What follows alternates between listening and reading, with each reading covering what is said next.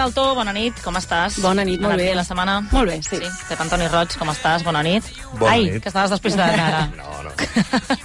Avui eh, toca no s'ha parlat prou.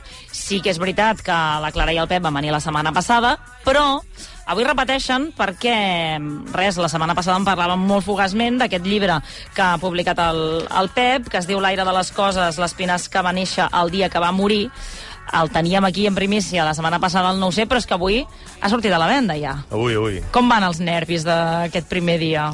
Com, com ho vius tu, això? Ara ja tranquil, però ara li deia a la Clara abans d'entrar, eh, sóc una persona que dorm com un soc, normalment, i porto dues nits dormint fatal. Sí, eh? I, I no sabia per què, i crec que ha sigut una miqueta per això, perquè, bé, Clar, tu, tu el llibre ja l'havies vist, ja l'havies pogut fullejar, saps que, no, que ha quedat bé... sí, però... Però suposo que avui és com una mica... Tu, Clara, que també escrius, és un dia que es passen nervis, aquest que surt el llibre publicat? Moltíssims. Sí, Més eh? que res, perquè aquell dia el llibre ja el pot llegir tothom. Llavors, ja no depèn de tu, no? És què, què diran, què pensaran, agradarà, no agradarà. Fa molts nervis i tant. Jo, rebut crec- jo crec que m'ha missatges, passat... Sí, he rebut missatges, però, però no sobre el llibre, perquè, clar, No se l'han pogut llegir. Exacte, no, no se l'ha pogut llegir ningú, vaja. No crec que, que ara mateix a Catalunya algú acabant-se'l, no?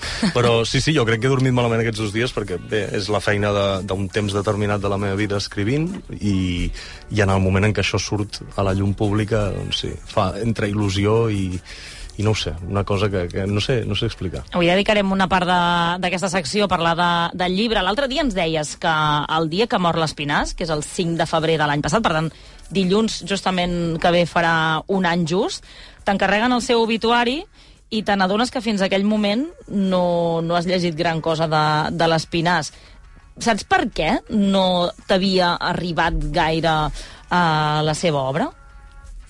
Jo crec, i vosaltres corregiu-me, som, som els tres de la mateixa edat, Sí. tots tres vam néixer el 88, eh, jo crec que tots tres, i, i quan dic tots tres vull dir la gent de la nostra quinta més o menys, sabíem qui era sobradament l'Espinàs, li, posem, sí. li posàvem cara, sabíem segurament que havia escrit l'himne del Barça, que havia impulsat la nova cançó, que havia escrit milers d'articles i de llibres, però jo el que m'he anat trobant al llarg d'aquests mesos eh, estudiant una miqueta és que la gent de la nostra quinta no l'havia llegit mai. Uh -huh.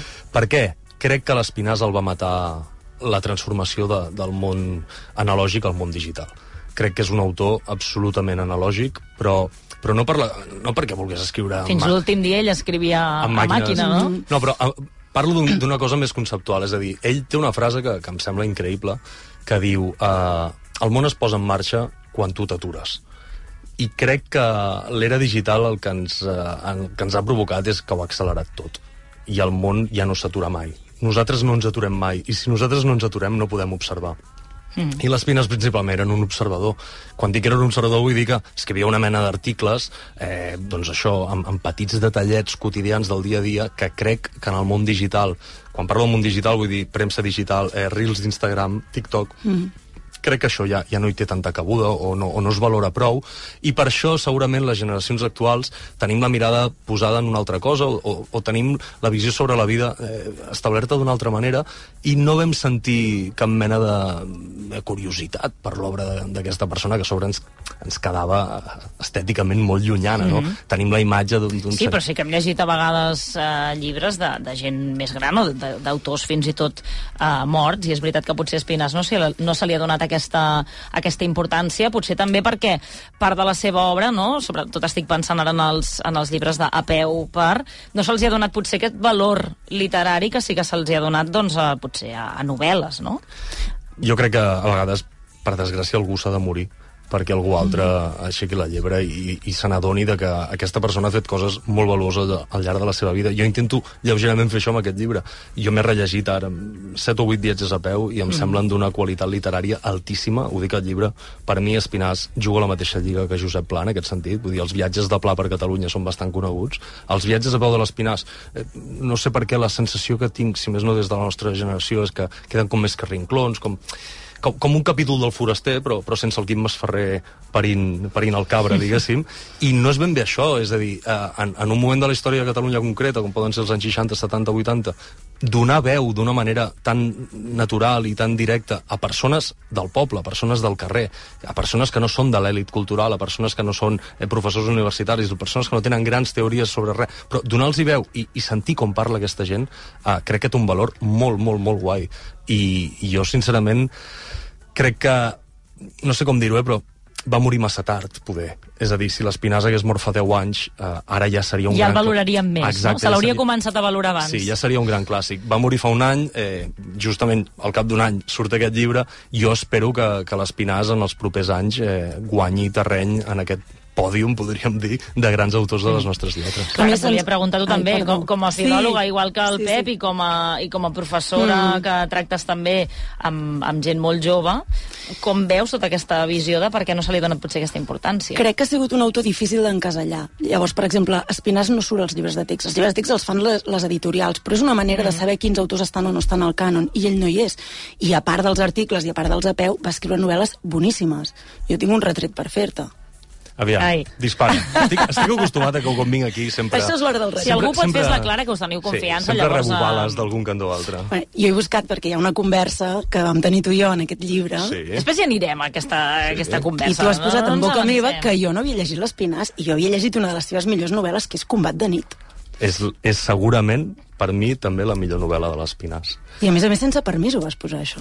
Ara, ara, ara, ara, un moment, un moment, un Tinc, moment. tinc, tinc, tinc una resposta a la, a la meva defensa. Ja, ja l'havies pensat, no? No, aquesta, no, no, no, no. Aquesta Però resposta. respondré. Clar, et volia preguntar, de quasi dir que no a un obituari, perquè això ho expliques al llibre, que vas eh, rebutjar l'oferta de fer l'obituari una vegada i gairebé dues, a, a fer-ne un llibre. Què, què, què va passar aquí? Quan te n'adones que això pot servir de, de material per fer un llibre i, i no precisament curt? Vull dir que és un llibre... A veure, quantes pàgines té? 206 no i la espantis- lletra no no... espantis no, espectadors. però la lletra tampoc és d'aquelles uh, molt grans. Vull dir que... Uh, jo quan vaig escriure l'obituari, perquè finalment el vaig escriure, vaig escriure un obituari, no vaig parlar de llibres, però sí que vaig parlar de la seva obra cultural. Per mi l'Espinàs uh, ens ha deixat una obra cultural immensa. És a dir, tots som hereus seus, en el sentit de que ell va, ell va fer molt perquè existís la música en català, la música moderna, diguéssim.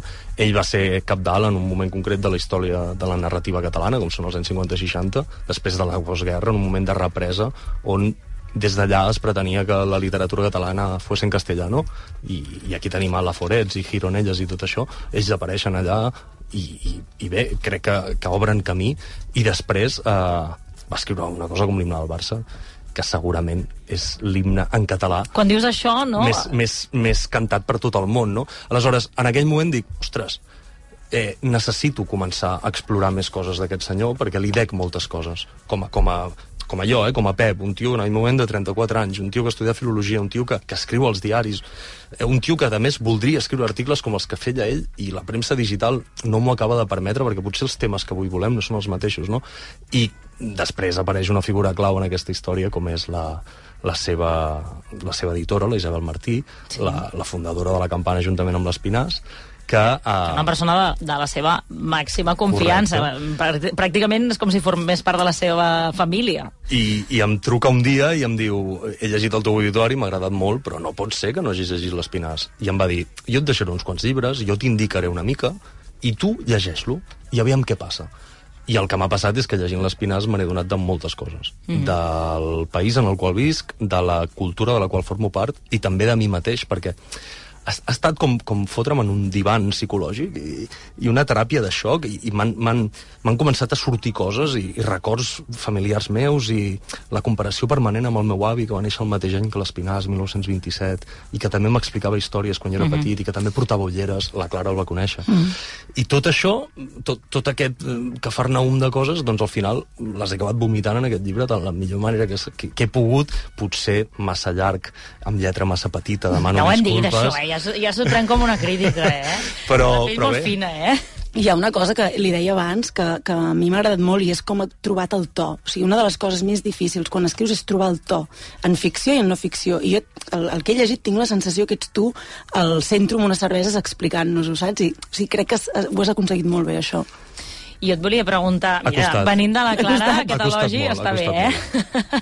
no, et volia preguntar, eh, també, no, no me l'he pogut acabar de, de llegir perquè el, ens el vas portar dilluns de la setmana passada i no m'ha donat temps, però pel que he llegit m'ha semblat com que tu, rellegint Espinàs, has tingut una certa nostàlgia d'algunes coses del passat de les que, de les que ell explica, no? T'ha passat això? Sí. amb, amb aquestes històries que explica Espinàs, amb aquests detalls, no? amb aquest conèixer la gent, eh, de, de sentir nostàlgia de coses que ara han canviat molt i que ja no són d'aquesta manera?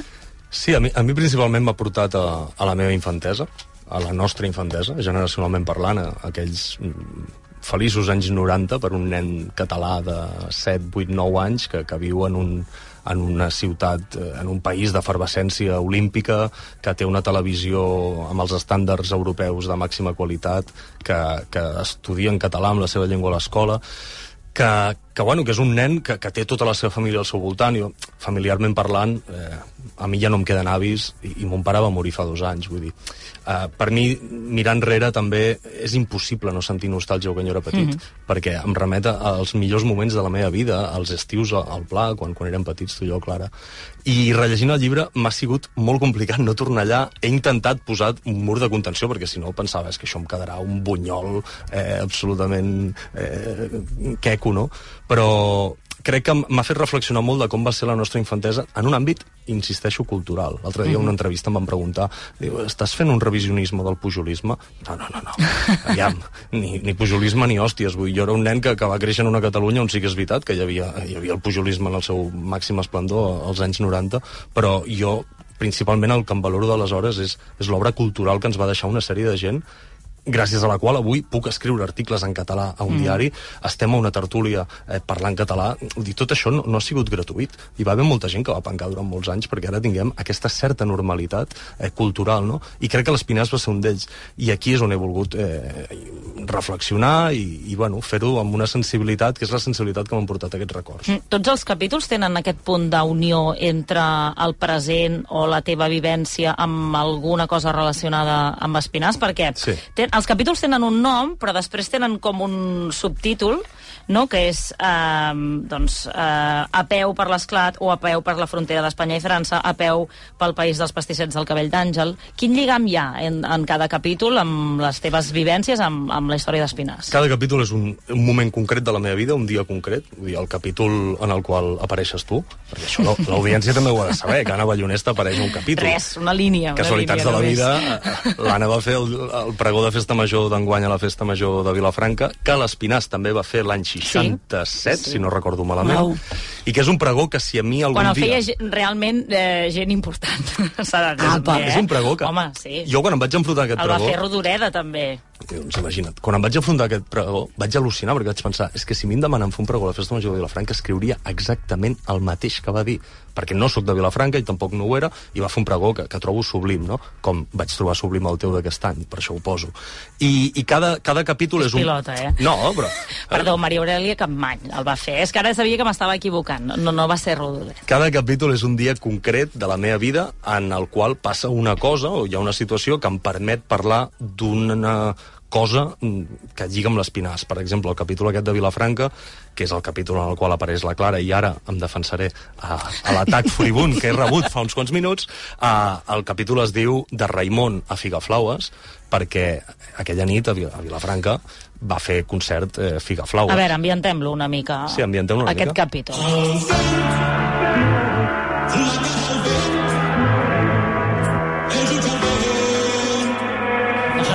Flaues, eh, aquests. De moment encara no. Ara sí. Fas vent, talent, i què fem si busquem fugir de la tempesta a temps? Temps que venen calents, no sabem on anem, només el cor al vent, la por que va creixent. Lluitant pel teu somni mentre t'estampaves. No cuida Quina, quina, quina connexió hi ha aquí?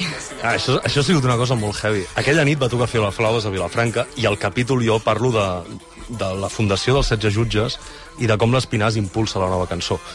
El capítol el podria haver titulat La nova cançó i Figaflaues, o La nova cançó i la música actual urbana, mm -hmm. o Lluís Llach i Figaflaues, o Maria Almar Bonet i Figaflaues.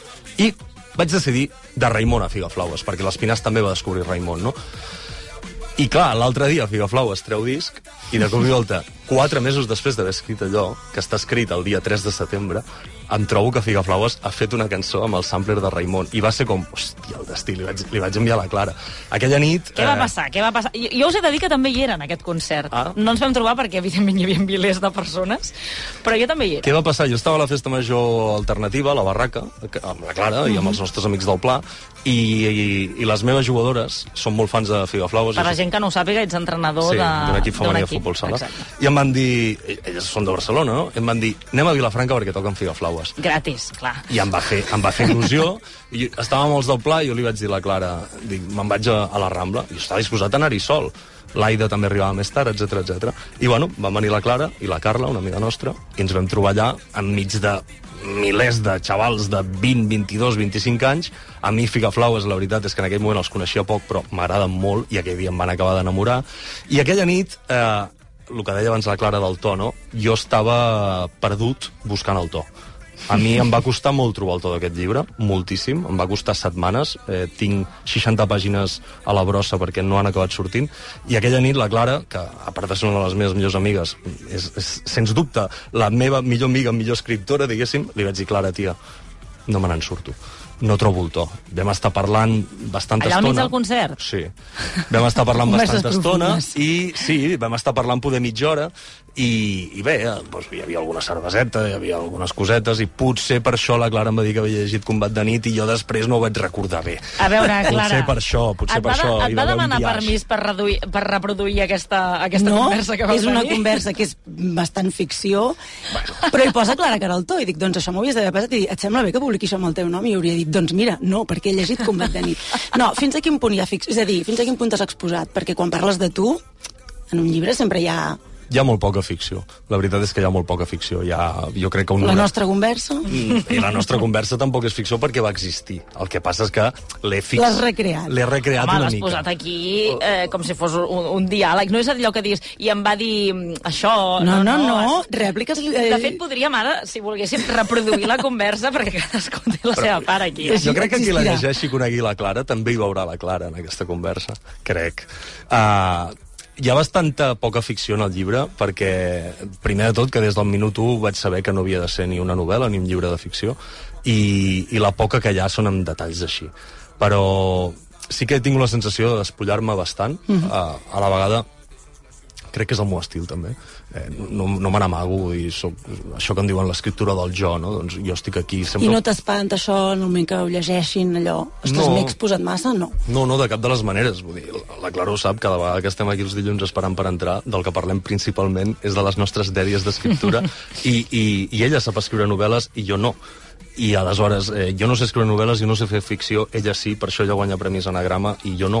Aleshores, no, és, és així, és així. Uh, cadascú sap fer lo seu, mm, a mi no m'espanta despullar-me en aquest sentit. Eh, crec que potser el, el, el més profund que puc dir en aquest sentit, crec que aquest llibre m'ha ajudat, ajudat bastant a tancar el dol de la mort del meu pare. Ha sigut una cosa... També en parles a- al llibre, ha sigut una cosa curiosa. capítol. O sigui, l'Espinàs m'ha servit de canalitzador a moltes coses. I, i per això, no vull dir-ho de, de manera barruera, però, hòstia, em cago en tot per no haver-lo conegut. T'anava a dir, t'ha- t'ha sabut greu com Sí. rellegint-lo de dir algunes idees que et pensaves que eren teves, o de dir, mira, això que he pensat, podria ser una molt bona idea. Has rellegit, uh, has llegit Espinàs i has dit, ostres, però si aquest home ja ho havia pensat abans que jo m'ha pres- robat les idees. M'ha que- robat les idees amb 60 anys Sabeu què m'ha passat? O sigui, sabeu quan, quan, quan tenim algun... Bueno, quan estem malament a la vida, algun desengany amorós és l'exemple més fàcil. I de cop i volta sents una cançó, i aquella cançó et diu just allò que tu penses, que tu Sí. sents. A mi llegint l'Espines m'ha passat això constantment. És a dir, el llegia llibres escrits l'any 59 i pensava però si això porto pensant-ho tota la vida. I estava escrit, i estava escrit per algú que viu a Barcelona i que escriu amb la meva llengua i que he tingut 34 anys al meu costat, perquè quan ell va morir jo en tenia 34, i mai vaig anar a ningú a dir-li escolta, m'agradaria conèixer Joan Maria Espinàs. I ha sigut una frustració Ara et sap màgica. greu. Em sap greu i a la vegada, escrivint aquest llibre, tinc, tinc la sensació absoluta d'haver-me retrobat amb ell per primera vegada, d'haver-me retrobat amb algú que físicament no està entre nosaltres, i per això crec que també és un llibre en el qual apel·lo molt a, als morts de la meva família, amb qui penso cada dia i trobo faltar perquè me'ls estimo profundament i ja no estan aquí entre nosaltres, però bé, jo sóc una persona que, que que, bueno, que creu bastant en, en, en l'eternitat de les ànimes i, i, en, i, en, i en aquestes coses que, que tan difícils són d'explicar a la ràdio davant d'un micròfon, poder. Clara, no sé si tu després de- d'aquesta conversa que veu tenir, malgrat que ja havies llegit algun, algun llibre, n'has llegit més de- d'Espinàs? O, o potser ara llegint el llibre del Pep pot ser que et vinguin més ganes de, segurament, de posar-t'hi? m'arribaria llibres i arribaria articles que no hauria arribat i estic totalment d'acord amb ell que, que no té el lloc que toca, potser, eh? no, se li ha, no se li ha atorgat el lloc que, que mereix. És feina nostra, Sí, aconseguir-ho canviar. Si algú, mira, per, per acabar ja, eh, molt ràpid, si algú que no ha llegit Espinàs o que ha llegit molt poc d'Espinàs ara diu, ostres, doncs m'agradaria entrar-hi, què, què els recomanaries? A, que entressin amb què? Doncs mira, estem de sort perquè si no ha sortit ja surt en breus. Uh, crec que és Proa que reedita els nostres objectes de cada dia, que és un llibre meravellós. Perquè a, a mi el que més em fascinava de l'Espinàs, el que més em fascina, vaja, és, és quan, quan agafa una cosa molt simple i d'aquella cosa simple en fa un univers. És un llibre que mm, són capítols on són objectes, i per exemple hi ha el clip, les agulles d'estendre, eh, la cullera, la banyera, i dius, es pot escriure sobre un clip? Es pot escriure sobre un clip, i l'Espinàs ho broda. I és gairebé poesia per mi. Clar, és allò de veure el que ha vist tothom escrit com no ho ha escrit Correcte. ningú. Clar, haurem de deixar la teva secció per la setmana que ve, eh? Cap problema. L'aire de les coses d'Espinàs que va néixer el dia que va morir, publicat per Ara Llibres, aquest uh, últim llibre del Pep Antoni Roig, que just ha publicat avui, que ens l'ha presentat a, al 9C. Que vagi molt bé.